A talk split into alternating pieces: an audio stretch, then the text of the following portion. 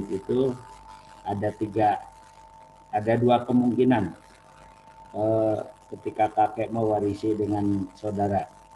Kemungkinan pertama kalau ahli warisnya hanya kakek dan saudara, ya, di mana kepada kakek diberikan antara mukosama atau sepertiga, mana yang paling menguntungkan. Jadi bedanya dengan Ali, kalau Ali minimal seperenam, nah, kalau Zaid ini minimal sepertiga. Cuma kalau kita mau mencari uh, sumbernya atau landasannya, kenapa seperenam dan kenapa sepertiga? Kalau yang seperenam jelas ada dasarnya, ya. Eh, dalam arti begini bahwa kakek itu kan menggantikan posisi ayah. di mana bagian ayah itu ada tiga macam. Seperenam, seperenam dan asoba atau asoba. jadi itu pula yang diterima oleh kakek ketika kakek ketika ayah tidak ada. Jadi ada landasannya sekalipun eh, agak apa ya kias. Ya bukan kias jadi pe, perluasan perluasan dari bagian dari pengertian ayah dan bagian ayah itu. Tapi kalau yang sepertiga eh, rasanya kok kita tidak menemukan sumbernya. Dari mana itu bagian kakek kok ada sepertiga gitu ya. Jadi tidak ada nasnya, tidak ada sumbernya itu. Nah, jadi sekali lagi barangkali kita dalami lagi mungkin siapa tahu malah justru antum yang menemukan ya wah ternyata Zaid ini kenapa memberikan minimal sepertiga karena landasannya ini umpamanya. Silakan. Kita cari bersama-sama gitu ya. Baik. Nah yang ah ketika hanya ahli warisnya hanya kakek dan saudara Ibnu Mas'ud itu sependapat dengan Ali gitu ya. Ibnu Mas'ud sependapat dengan Ali. Nah, baik. Yang kemungkinan yang kedua menurut Zaid bin Sabit, ketika ahli warisnya terdiri dari kakek, saudara dan ada ahli waris yang lain, nah itu ya. Nah, maka kepada kakek diberikan mana yang lebih menguntungkan dari tiga kemungkinan ini. Pertama, mukasama. Kepada ahli waris yang lain diberikan dulu bagiannya, kemudian kepada kakek diberikan yang lebih menguntungkan antara mukasama sepertiga sisa atau seperenam dari seluruh harta peninggalan gitu ya. Nah, sekali lagi sepertiga sisa itu dari mana itu Zaid itu memperoleh uh, rumusan itu gitu ya. Jadi uh, ada yang kemudian sepertiga sisa itu kan kemarin ketika kita bicara uh, ahli warisnya itu bapak, ibu, dan salah seorang suami istri gitu ya. Jadi atulutul baki itu. Ya. Tapi eh, itu yang seperti sisa itu ibu, ya, bukan bapak di situ. Jadi kalau uh, di sini uh, ada sepertiga sisa, tapi untuk kakek, nah, sekali lagi barangkali perlu di, didalami lebih lanjut dari mana Zaid memperoleh uh, batasan itu gitu ya. Kalau seperenam saya tidak sama. Cuma begini, kalau menurut Ibnu Mas'ud, nah, ketika ahli warisnya terdiri dari kakek, saudara dan ada ahli waris yang lain, nah, Ibnu Mas'ud sependapat dengan Zaid bin Thabit gitu. Jadi Ibnu Mas'ud itu ketika ahli warisnya hanya kakek dan saudara, dia sependapat dengan Ali. Tapi ketika ahli warisnya kakek saudara dan ada ahli waris yang lain, Ibnu Mas'ud sependapat dengan Zaid bin Thabit. Nah, Jadi sebenarnya yang Ibnu Mas'ud itu tidak punya pendapat sendiri gitu ya. Nah, itu. Baik, itu mengenai uh, bagaimana pendapatnya uh, Zaid bin Thabit ya mengenai kewarisan kakek dan saudara itu. Ya, sekarang kita akan meneruskan uh, bagaimana pendapat Syiah. Terus kalian, sebagaimana kita ketahui di dalam pengelompokan ahli waris, waris keutamaan dua. saudara juga ahli waris keutamaan dua. Ya. Oleh karena itu maka kakek dan saudara adalah berada dalam satu kelompok keutamaan yang sama, yaitu kelompok keutamaan dua. Atas dasar ini maka kakek dan saudara bisa mewarisi bersama-sama. Dari mana ini Syiah menempatkan kakek dan saudara dalam satu kelompok keutamaan yang sama? Kemarin sudah kita bahas yaitu ketika memahami kalalah ya. Karena kalau menurut Syiah, kalalah itu adalah orang yang mati punah ke bawah, tidak punya keturunan dan tidak punya ayah serta ibu gitu ya. Barulah dalam kondisi seperti itu saudara, saudari atau anak-anak mereka dapat apa, menjadi ahli waris. Ya. Tapi ketika salah satu saja dari unsur keturunan ada, dari unsur orang tua ada, maka jelas saudara maupun saudari tidak mendapat warisan karena tidak kalalah gitu ya. Oke. Nah karena uh, saudara itu di sini kelihatan, jadi dia ter, hanya terhijab oleh keturunan serta terhijab oleh ayah dan ibu. Berarti kan sebenarnya saudara itu tidak terhijab oleh kakek dan nenek gitu ya. Sementara kakek dan nenek sendiri kan dia baru tampil menjadi ahli waris setelah tidak ada keturunan, tidak ada ayah dan ibu. Sehingga atas dasar ini maka menurut Syiah berarti kakek dan nenek ini satu kelompok keutamaan dengan saudara-saudari. Ah, gitu ya. Sama persis ini. Jadi kalau begitu kakek dan saudara ini mewarisi bersama-sama sebagaimana pendapatnya Ali bin Abi Thalib, Zaid bin Sabit gitu ya. Oh iya. Di kalangan di kalangan ulama Sunni uh, mayoritas para ulama itu adalah uh, berpendapat bahwa kakek dan saudara itu mewarisi bersama gitu ya. Nah, jadi Ali Zaid itu adalah menjadi bagian daripada jumhur ulama Sunni dalam hal kewarisan kakek dan saudara itu. Baik ya. Nah, jadi sekalipun ada kesamaan antara Syiah dengan Ali CS, akan tetapi juga ada perbedaannya. Apa perbedaannya? Kalau menurut Ali CS bahwa saudara yang bisa mewarisi dengan kakek dan nenek itu adalah saudara saudari sekandung dan saudara saudari sebapa. Sedangkan saudara saudari seibu tidak, artinya dia mahjub oleh kakek gitu ya. Itu yang pertama. Tapi menurut Syiah semua saudara baik sekandung, sebapa maupun seibu itu bisa mewarisi bersama-sama dengan kakek maupun nenek. Nah itu. Jadi artinya saudara-saudari seibu kalau menurut saya tidak mahjub oleh kakek ya.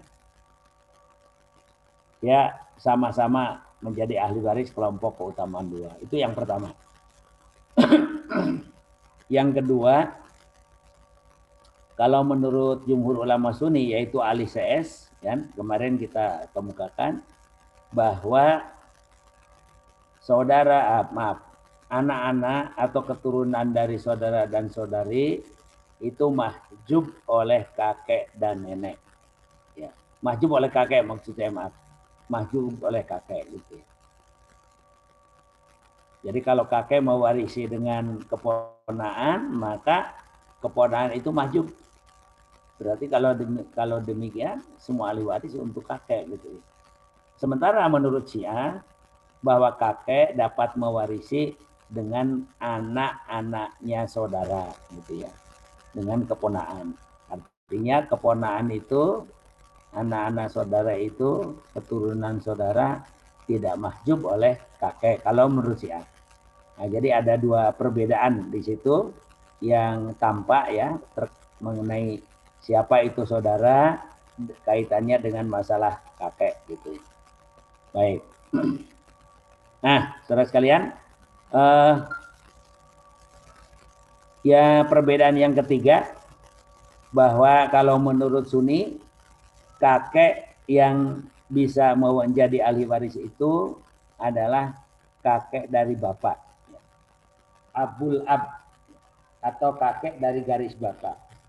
Sedangkan kakek dari garis ibu, abul um, itu dawul arham. Nah, sedang sementara menurut Syiah mereka tidak membedakan antara kakek nenek dari jalur bapak dengan kakek dan nenek dari jalur ibu. Artinya mereka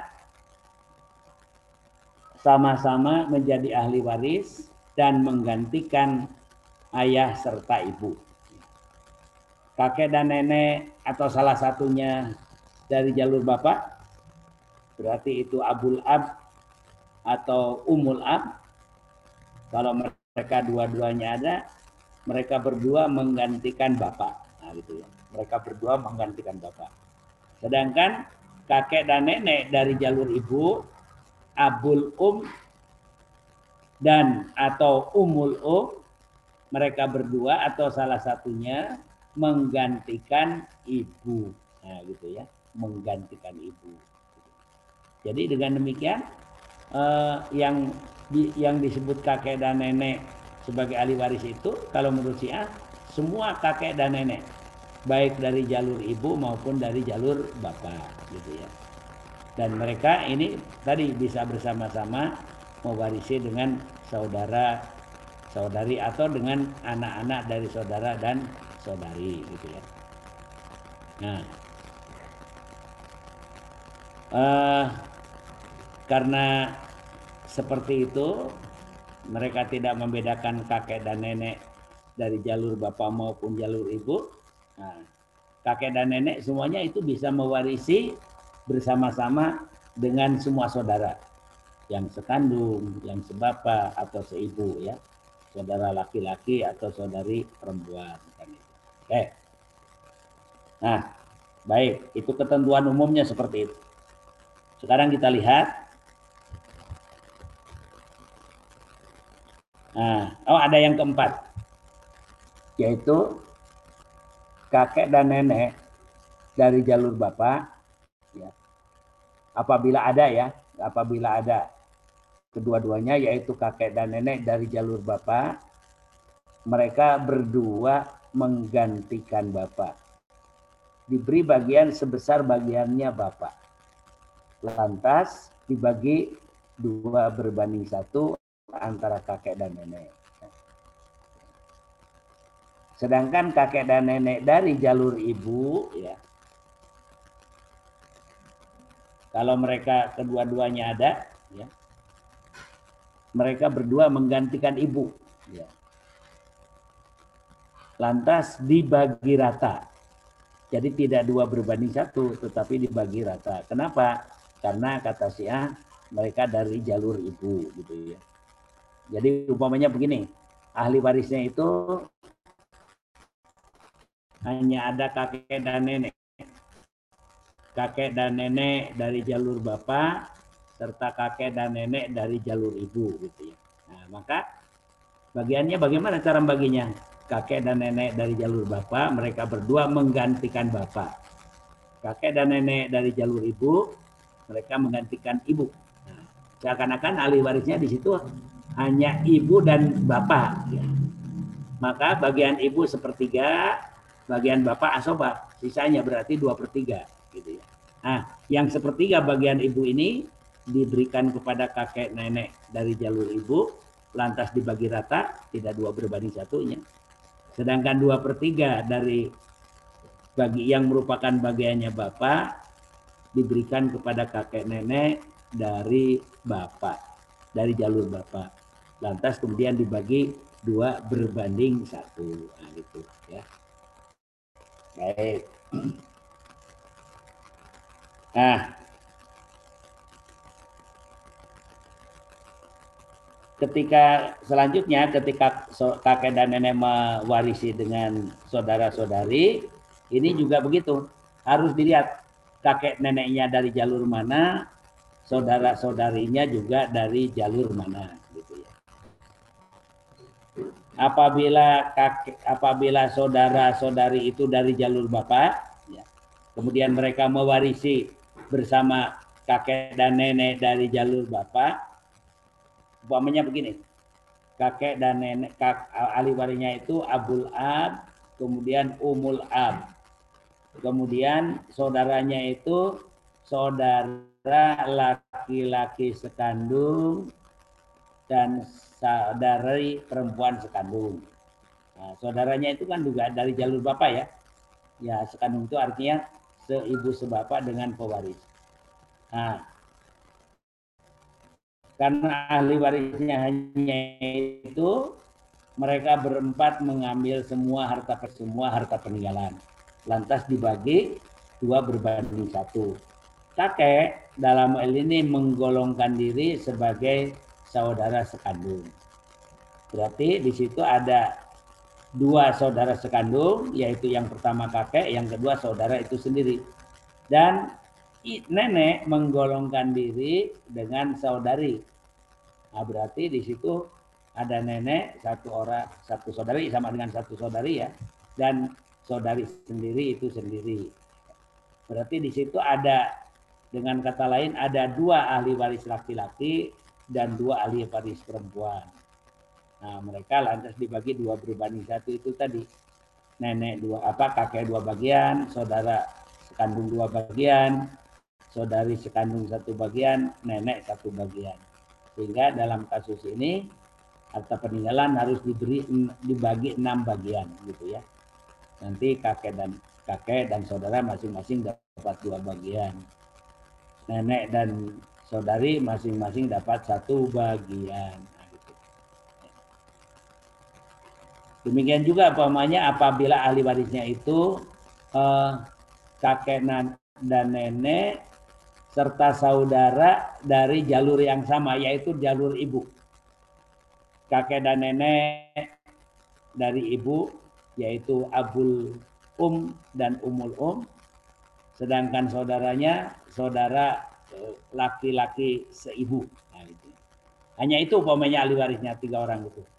Nah, maka mereka mengambil semua harta peninggalan karena hanya hanya mereka ahli warisnya lantas dibagi rata karena dari jalur ibu atau jalur perempuan. Karena di situ ada tiga orang yaitu kakek, nenek, dan seorang saudara seibu berarti masing-masing sepertiga gitu ya. Oke. Ini yang pertama ya. Ketentuan yang pertama apabila kakek mewarisi dengan saudara dan saudari ya, tidak ada ahli waris yang lain gitu ya. Oke.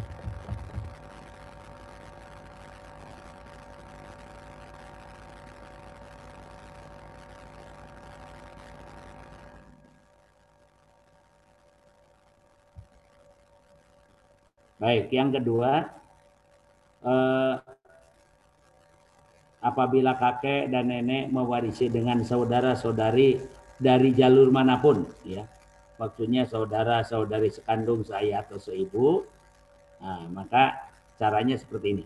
Pertama, kakek atau nenek atau mereka berdua mewarisi bersama dengan saudara-saudari dan eh, apa so, dengan saudara-saudari dari jalur yang sama ya.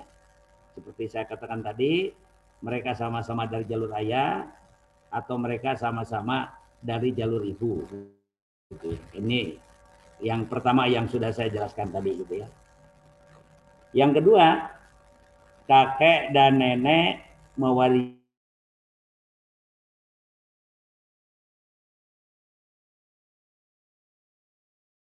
saudara-saudari dan mereka semua dari jalur ibu. Ya.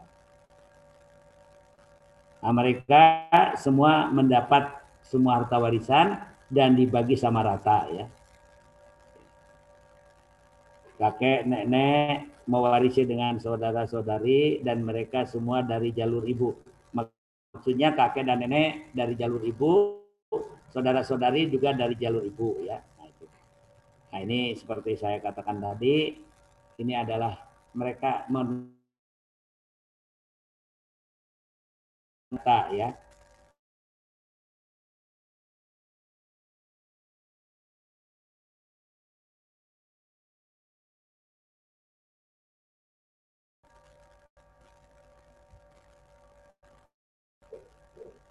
Nah, yang ketiga ini, apabila kakek nenek mewarisi dengan saudara-saudari, tetapi jalurnya berbeda,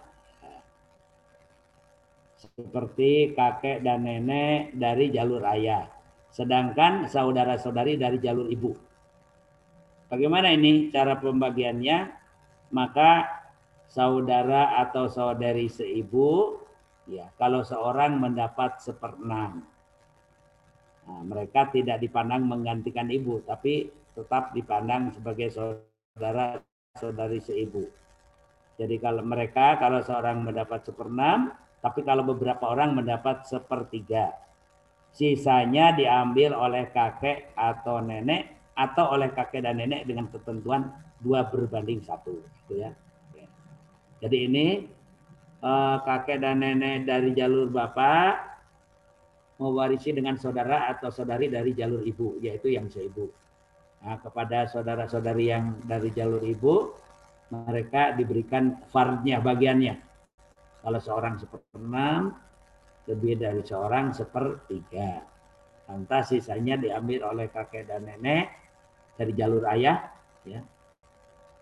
Dan nanti dibagi dua berbanding satu.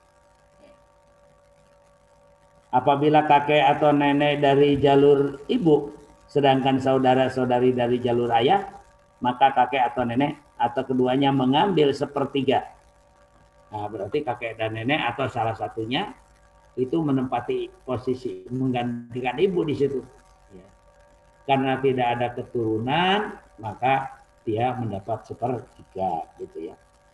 Dan sisanya diambil oleh saudara atau saudari atau bersama-sama dengan ketentuan dua berbanding satu gitu ya. Oke. Jadi kalau eh, kakek dan nenek dari jalur ibu mewarisi dengan seorang saudara laki-laki sebapak umpamanya. Maka kakek dan nenek dari jalur ibu tadi abul um dan umul um mereka berdua menggantikan posisi ibu. Ya, karena tidak ada ahli waris keturunan, berarti ibu di situ mendapat sepertiga. Nah, sedangkan saudara laki-laki sebapak tadi ya menggantikan posisi bapak. Berarti seakan-akan di situ ahli warisnya hanya ibu dan bapak. Ibu sepertiga, bapak sisanya dua per tiga. Nah, kalau toh di situ uh, saudarinya saudari perempuan, ya tetap saja dia mendapat sisa ya. Karena yang dilihat bukan saudari sebagai dahulu furud, tapi saudari menggantikan posisi ayah. Itu ya. Oke, seperti itu. Nah, berikutnya kakek dan nenek dapat mewarisi bersama-sama dengan anak-anak dari saudara saudari gitu ya. Kakek dan nenek dapat mewarisi bersama-sama dengan saudara anak-anak dari saudara-saudari. Hanya saja di situ harus tidak ada saudara atau saudari. Sebab kalau ada saudara dan saudari, anak-anaknya saudara kan maju itu. Karena berbeda derajat. Yang dekat menutup yang jauh gitu ya. Nah, kalau kakek dan nenek bersama dengan anak-anak dari saudara, caranya bagaimana? Ya, tinggal dilihat anak-anaknya itu anak dari saudara yang mana. Anak saudara sekandung, sebapak atau seibu itu kan ya. Kalau umpamanya kakek nenek dari jalur ibu, sedangkan keponaan atau anaknya saudara itu dari jalur ayah, yaitu anak laki-laki dari saudari sekandung umpamanya kan anak laki-laki dari saudari sekandung. Nah maka dia eh, kakek dan nenek dari jalur ibu tadi akan mengambil sepertiga, sisanya diambil oleh anak laki-laki dari saudari perempuan sekandung. Bukan dalam posisinya sebagai korobah dia, tapi dia menggantikan posisi ayah. Pertama dia menggantikan posisi ibunya yaitu saudari sekandung, kemudian saudari sekandung mewaris apa menggantikan posisi ayahnya. Nah, jadi dua kali dua tahap penggantian di situ ya. Sehingga si ponaan e, dari saudari sekandung itu dia menggantikan posisi ayah atau kakek ya, kakek dari si dari si ya tidak kakek langsung sih. Pernah kakek apa ya istilahnya itu. Nah, gitu ya. Oke. Baik, itu menurut pandangan Syiah. Sampai di sini dulu. Mungkin ada yang ingin didiskusikan. Silakan kalau ada.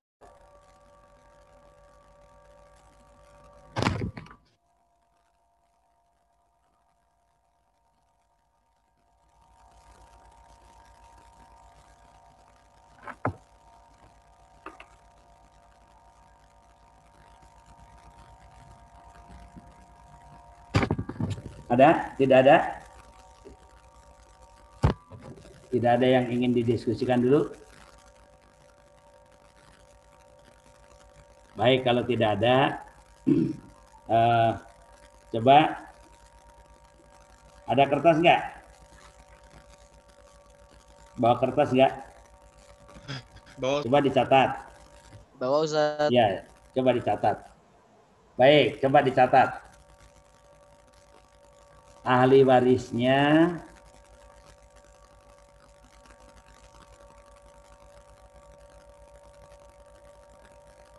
Janda.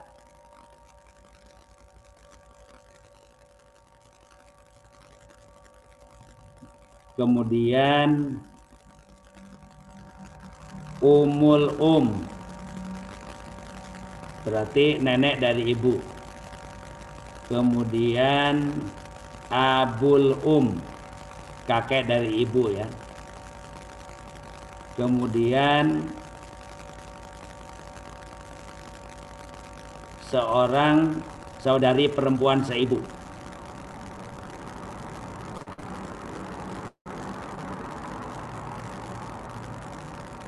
Selanjutnya kakek dari bapak kakek dari jalur bapak Abul Ab. Nenek dari jalur bapak Ummul Ab.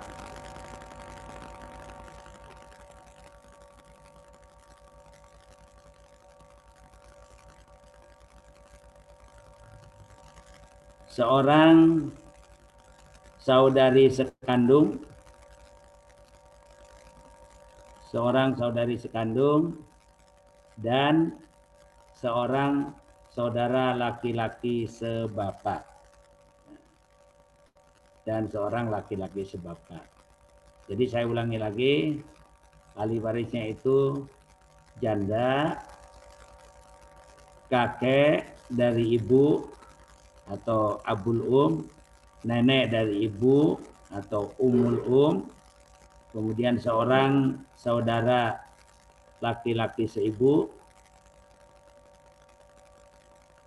kemudian kakek dari bapak, abul ab, nenek dari bapak, umul ab, seorang saudari sekandung, dan seorang saudara laki-laki sebapak. Nah, coba hitung menurut Ali bin Abi Thalib menurut Zaid bin Thabit dan menurut Ali, eh, Ali menurut Syiah. Nah.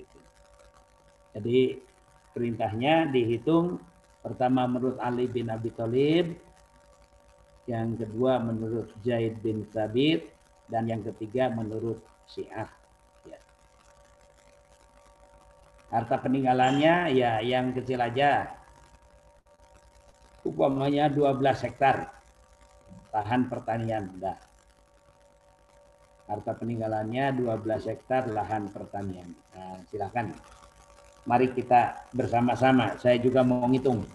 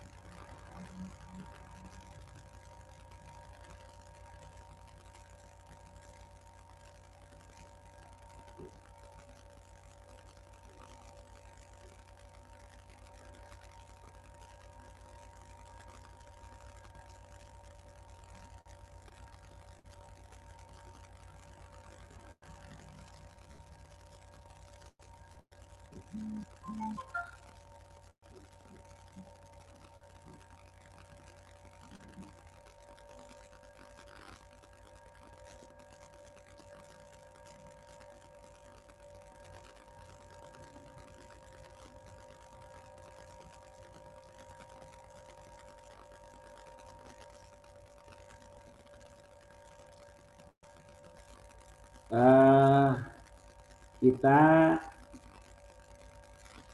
lihat dulu secara umum. Jadi tadi ahli warisnya kan janda, nenek dari ibu atau umul um, kakek dari ibu abul um, nenek dari bapak abul ab, eh, apa umul ab, kakek dari bapak abul ab, satu saudari sekandung dan satu saudara laki-laki sebapak. Ada saudara laki-laki seibu nggak tadi? Halo? Gimana Ustaz? Ada saudara laki-laki seibu nggak tadi? Eh, nggak ada. Ustaz. Gak ada Ustaz. Hah? Nggak ada. Gak ada. Nggak ada ya? Ya. Jadi saya ulangi ya. Janda, nenek dari ibu, Ya. kakek dari ibu, Ya. Nenek dari bapak, Ya. kakek dari bapak, Ya. seorang saudari sekandung, Ya. seorang sa- lak- saudara laki-laki sebapak. Ya. Ada Baik. satu Nah, saudari seibu tadi, Tat. Oh ada satu saudari seibu. Ya. Ya, itu yang sa- satu saudari seibu ya. Baik, ya. Satu saudari seibu. Ya. Nah, kalau pertama menurut Ali, ini karena di saat di selain kakek dan saudara ada ahli waris yang lain. Nah, kalau menurut Ali yang kaidah keberapa ini atau yang mana? Yang dipakai? Hmm, kalau ini gimana Ustaz? Coba Ustaz kalau punya saya, Tat. Ah, coba silakan. Eh, yang Ali janda dapat seperempat. Mm-mm. Kemudian nenek dari ibu sama nenek dari bapak itu dapat seperenam. Ya, terus. Terus saudara satu saudari seibu itu mahjub oleh kakek. Ah, ah, terus. Kemudian kakek dari ibu, kakek dari bapak, satu saudari sekandung sama satu saudara sebapak itu asobah bil khairi. Sebentar. Kakek dari ibu. Kakek dari ibu, Mm-mm. kakek dari bapak, Mm-mm. satu saudari sekandung, Mm-mm. sama satu saudara sebapak itu asobah bil khairi. Hmm, itu menurut Ali. Ya, kalau menurut Ya. Ali, kalau yang saya pakai seperti itu, Sat. Ya, ini yang nggak tepat itu yang kakek dari ibu. Hmm. Kakek dari ibu kan dia daul arham kalau menurut Sunni itu. Oh iya. Abul um, abul um itu kan daul arham. Iya, Sat, iya, Sat. Ular. Ah, dia jadi dapat mahjub. seper Mahjub dia. Iya, Nah, mahjub. ah, gitu ya. Kemudian tadi saudari sekandung, kakek nenek dari bapak beserta saudara sebapak, asobah. Eh, kakek dari bapak, saudari sekandung, saudara sebapak itu asobah. Ada nenek dari bapak, eh, nenek dari udah seperenam ya. Nah itu juga eh, enggak. Jadi ah, enggak enggak kurang pas. Jadi kalau menurut Ali itu begini, karena di situ ada saudari munfarida. Mana saudari munfarida itu? Itu yang sekandung. Nah, saudari sekandung gitu ya. Maka kalau menurut Ali kepada ahli waris dapul furud termasuk kepada apa saudari munfarida diberikan dulu bagiannya. Lantas kepada kakek diberikan mana yang paling menguntungkan. Mu, apa eh, mukosama atau seperenam. Nah, jadi harus dicari dulu itu dua dua kali menghitung. Jadi kalau katakanlah yang pertama mukosama ya, Maka kalau menurut Ali begini, janda betul tadi seperempat. Lantas dua orang nenek, nenek dari ibu dan nenek dari bapak seperenam. Kakek dari ibu, abul um, dia mahjub. Karena daul arham. Saudari sekandung sebagai daul furud, dia dapat setengah. Nah, yang saudari Munfaridah itu tadi, dia dapat setengah. Lantas kakek dan saudara laki-laki sebapak asoba. Kemudian saudari seibu itu juga mahjub, ya. Ya, mahjub. Siapa? Mahjub oleh kakek. Mahjub oleh kakek dari bapak. Ya. Nah, jadi saya ulangi ya, kalau ya kalau mau sama janda seperempat, dua orang nenek seperenam, saudari sekandung setengah, dan kakek beserta saudara laki-laki bapak asobah. Nah, asal masalahnya 12. Janda seperempat kali 12, tiga. Dua orang nenek, seperenam kali 12, dua. Masing-masing dapat satu bagian kan. Kemudian saudari sekandung, setengah kali 12, dapat enam. Nah, untuk asobah, untuk kakek dan saudara laki-laki sebapak, itu 12 dikurangi 3 ditambah 5 ditambah 6 11 berarti asobah ada satu bagian nah, sehingga tiap satu bagian kan satu hektar nah.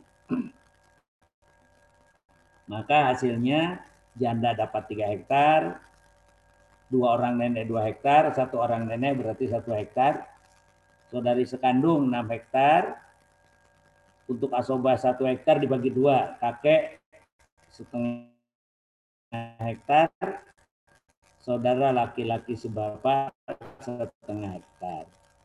Tadi saudari seibu dan kakek dari ibu itu mahjub ya karena uh, mahjub oleh kakek gitu. Nah jadi kalau mukosama menurut Ali kakek itu dapat dua enam ya maka sama seperti tadi, janda seperempat, dua orang nenek seperenam, saudari kan, sekandung setengah, kakek seperenam. Asal masalahnya juga sama 12, ya. Janda seperempat tiga bagian, dua orang gimana? Kakeknya tadi dua orang kan Ustaz? Yang satu kan mahjub. Yang ibu. Kakek dari ibu mahjub. Kakek dari ibu mahjub. Nenek apa nenek? Saudari seibu juga mahjub. Tidak berubah kalau itu. Nah, mahjub oleh kakek ya. Oke. Jadi saya ulangi.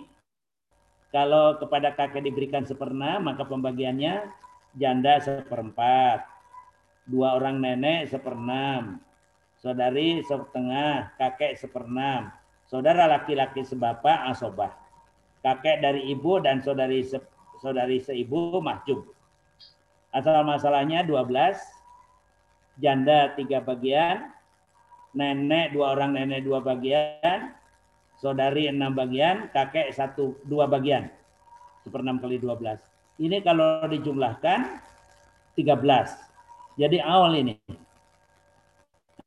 Nah, sehingga janda dapat 12 hektar dibagi 13, 2,769231 dua hektar uh, koma dua dua hektar tujuh ratus sekian gitu ya.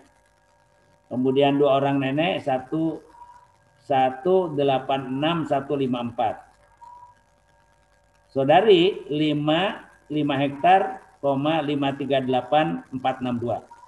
Kakek sama dengan bagian nenek dua orang nenek di situ satu hektar 846 154. Nah, dari dua bagian ini ternyata kalau menurut Ali kesimpulannya yang paling menguntungkan bagi kakek adalah kalau kakek diberikan seperenam. Ini yang model pembagian yang kedua ini. Sehingga dalam kasus ini menurut Ali eh, harus kepada kakek diberikan seperenam. Nah, sehingga pembagiannya yang dipilih yang model dua ini. Kesimpulannya itu.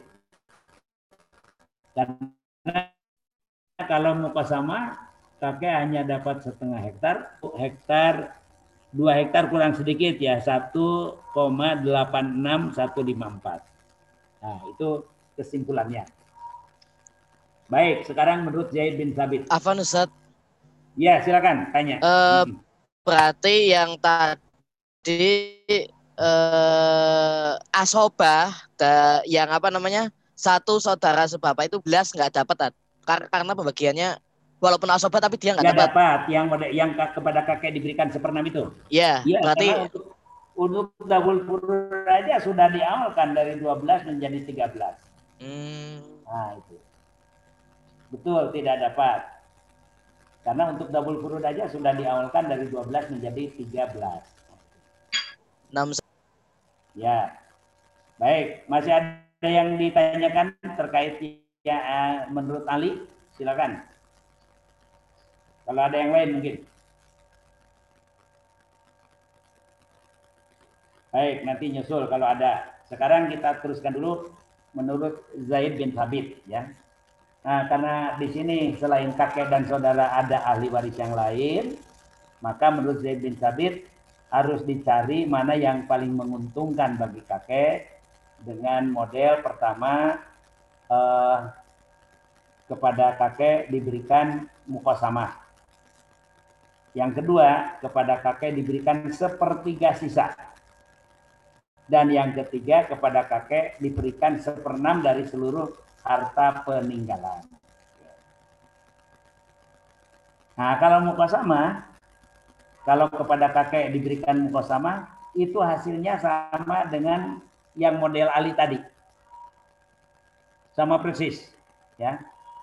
Menurut Zaidun seperti itu kalau muka sama. Di mana kepada janda diberikan seperempat, dua orang nenek seperenam, saudari sekandung setengah, nah, kemudian eh, kakek dan saudara laki-laki sebapak asobah, ya asobah binafsi. Sehingga tadi intinya di sini kakek dapat setengah hektar. Sama menurut Zaid pun bahwa saudari sekan, saudari seibu dan kakek dari ibu mahjub oleh oleh kakek ya. Jadi saudari seibu dan kakek dari ibu mahjub. Kakek dari ibu mahjubnya karena daul arham. Sedangkan saudari seibu mahjub oleh kakek. Eh. Itu kalau muka sama. Sekarang kalau kepada kakek diberikan sepertiga sisa. Nah, harus dihitung dulu. Janda seperempat, dua orang nenek seperenam, saudari sekandung setengah, seperempat, seperenam, setengah berarti asal masalahnya 12. Janda seperempat kali 12, 3. Nenek, dua orang nenek, seperenam kali 12, 2. Saudari sekandung 12, eh Pak, setengah kali 12, 6. Nah, kakek sepertiga sisa kan? Berarti sepertiga dikalikan 12 asal masalah dikurangi bagian saudari, bagian dua orang nenek dan bagian janda dari asal masalah. Tadi sudah ketemu janda itu dapat uh, berapa? Tiga bagian, nenek dua orang nenek dua bagian, saudari enam bagian.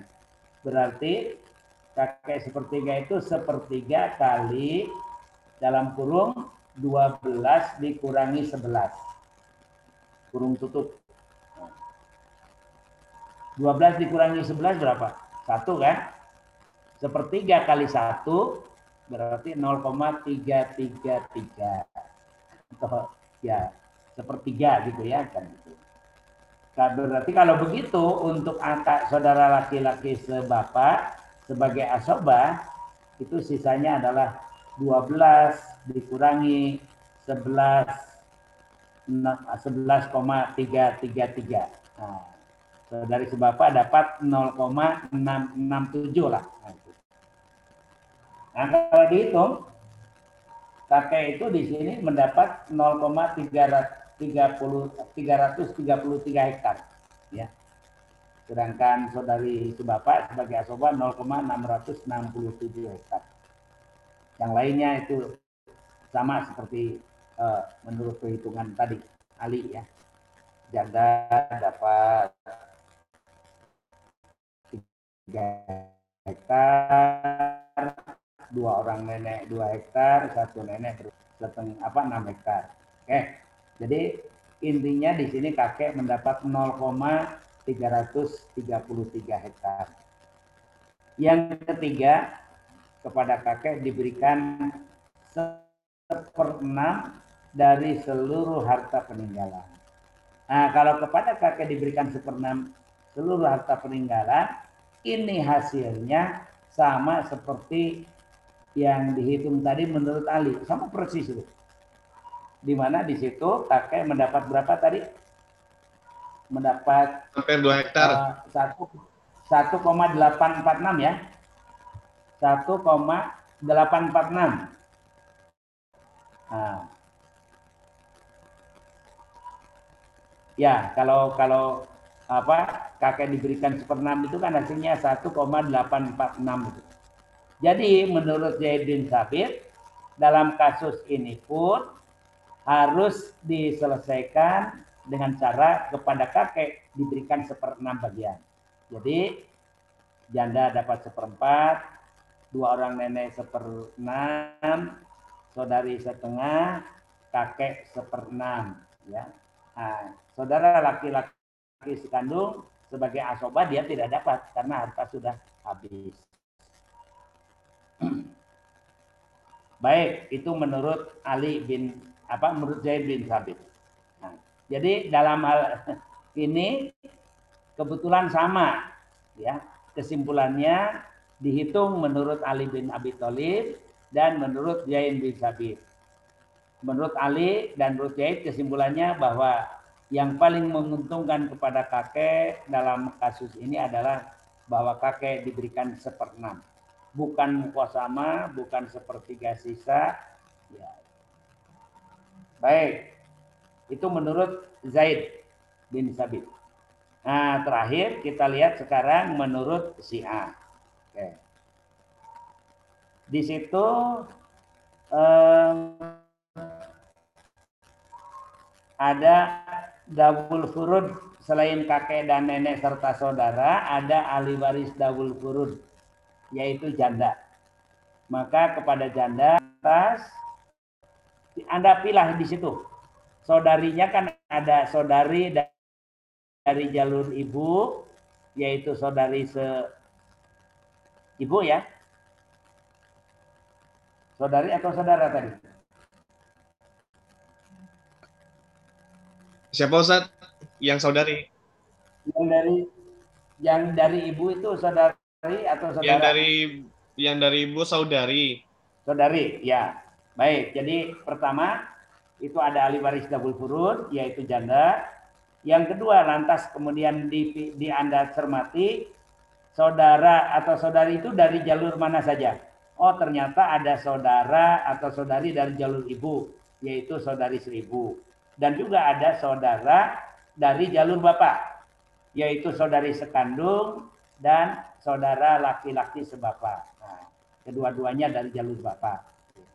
Kakeknya, kakek dan nenek juga begitu. Ada kakek dan nenek dari jalur ibu, yaitu umul um dan abul um, serta ada kakek dan nenek dari jalur bapak, yaitu abul ab dan umul ab. Nah, oleh karena itu kalau menurut siapa pembagiannya seperti ini. Pertama janda. Janda mendapat seperempat sebagai double furud. Tidak ada permasalahan di situ sama. Menurut yang lain juga begitu. Lantas kakek dari ibu, nenek dari ibu, dengan saudari seibu, mereka bertiga bersama-sama menggantikan ibu. Mereka bertiga menggantikan ibu.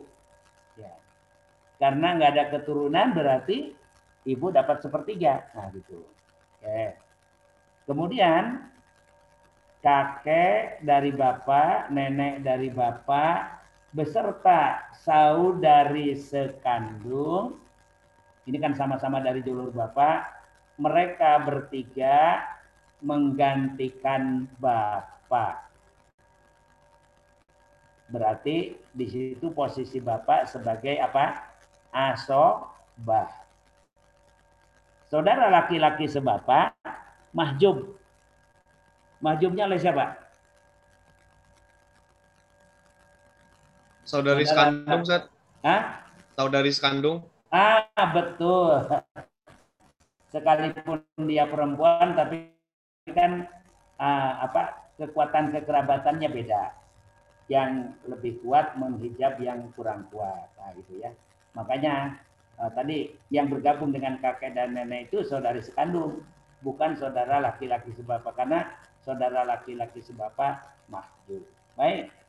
Nah, jadi kakek dan nenek dari bapak beserta saudari sekandung asobah sisanya. Nah, berarti di situ ada janda seperempat, ibu sepertiga, asal masalahnya 12. Janda dapat seperempat kali 12 tiga bagian. Ibu sepertiga kali 12 empat bagian. Asobah 12 dikurangi 7 lima bagian. Dah tinggal hitung aja. Janda tiga bagian dari Tadi yang 12. menggantikan ibu siapa saja, Ustaz? Gimana? Yang menggantikan ibu tadi ibunya ibu. dari ibu abul um kemudian umul um dan saudari seibu. Mereka kan jalurnya semua dari ibu itu. Kakek dari ibu abul um nenek dari ibu dan saudari seibu.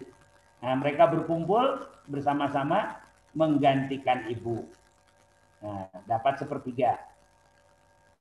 Begitu.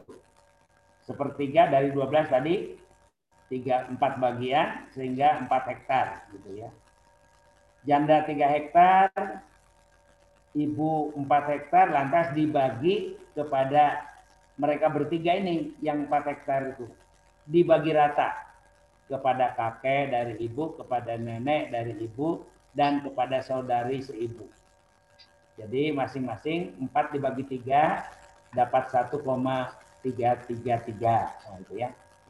Dibagi rata sekalipun ada laki-laki karena sama-sama dari jalur ibu katanya. Nah, sedangkan untuk asobah sisanya itu ada lima bagian berarti lima hektar. Dibagi dua berbanding satu. Berarti di situ ada kakek laki-laki, nenek perempuan, saudari sekandung perempuan kakek dua bagian, saudari satu bagian, nenek satu bagian. Berarti lima itu harus dibagi empat bagian. Kakek dua kali lima dibagi empat. Berapa? 50 dibagi empat, 0, eh, dua setengah ya. Dua kali lima dibagi empat. Dua kali 5 hektar dibagi 4 4 itu tadi dua dua bagian kakek satu bagian nenek satu bagian saudari berarti dia dapat dua setengah hektar ya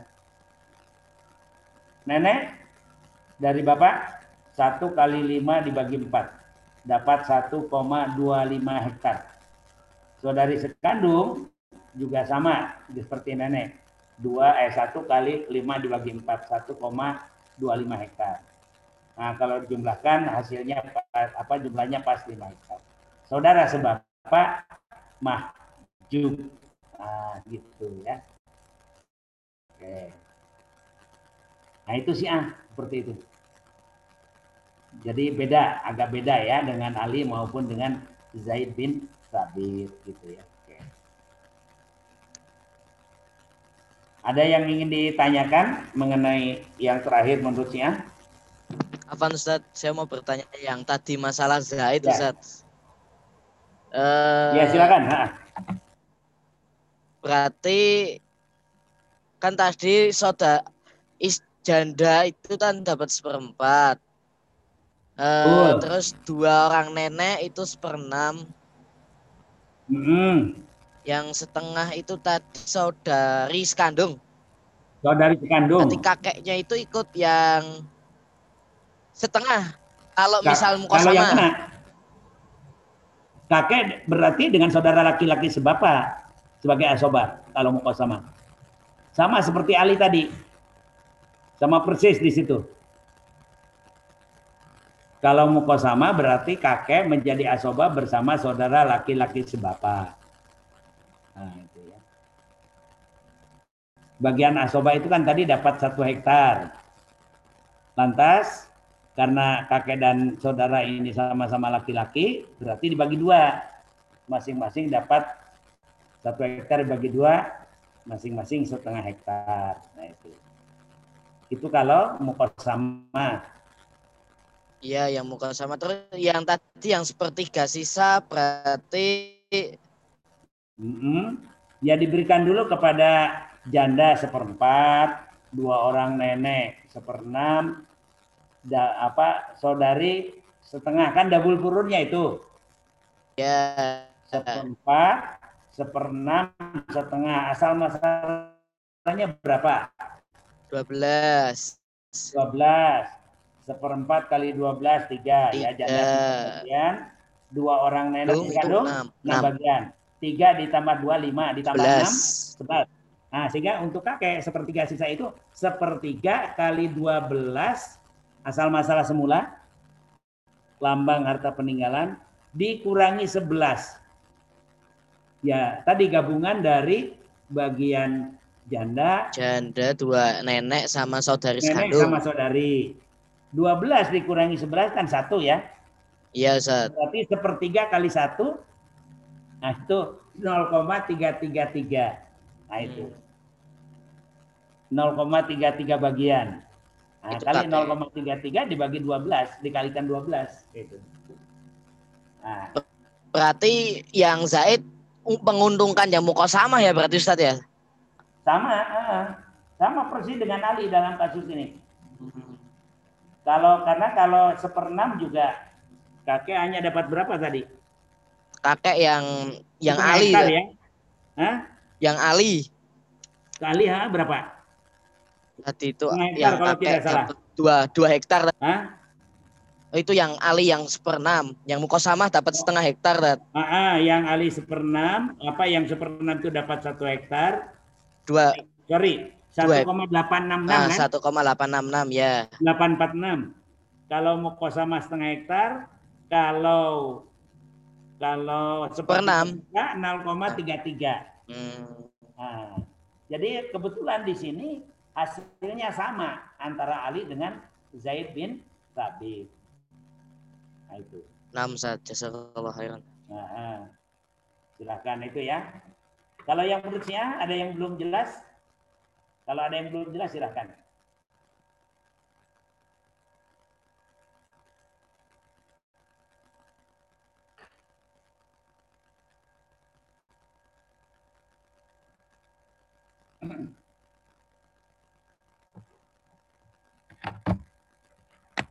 Baik, paham.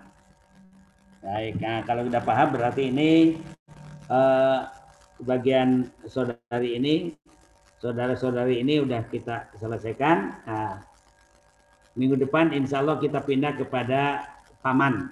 Jadi masuk satu lagi dari jihatul umumah, ya, paman itu. Nah, insya Allah kita teruskan minggu depan. Hari ini, ini suara saya itu masih belum pulih. Sampai di sini dulu. Nah, terakhir kita akan presensi.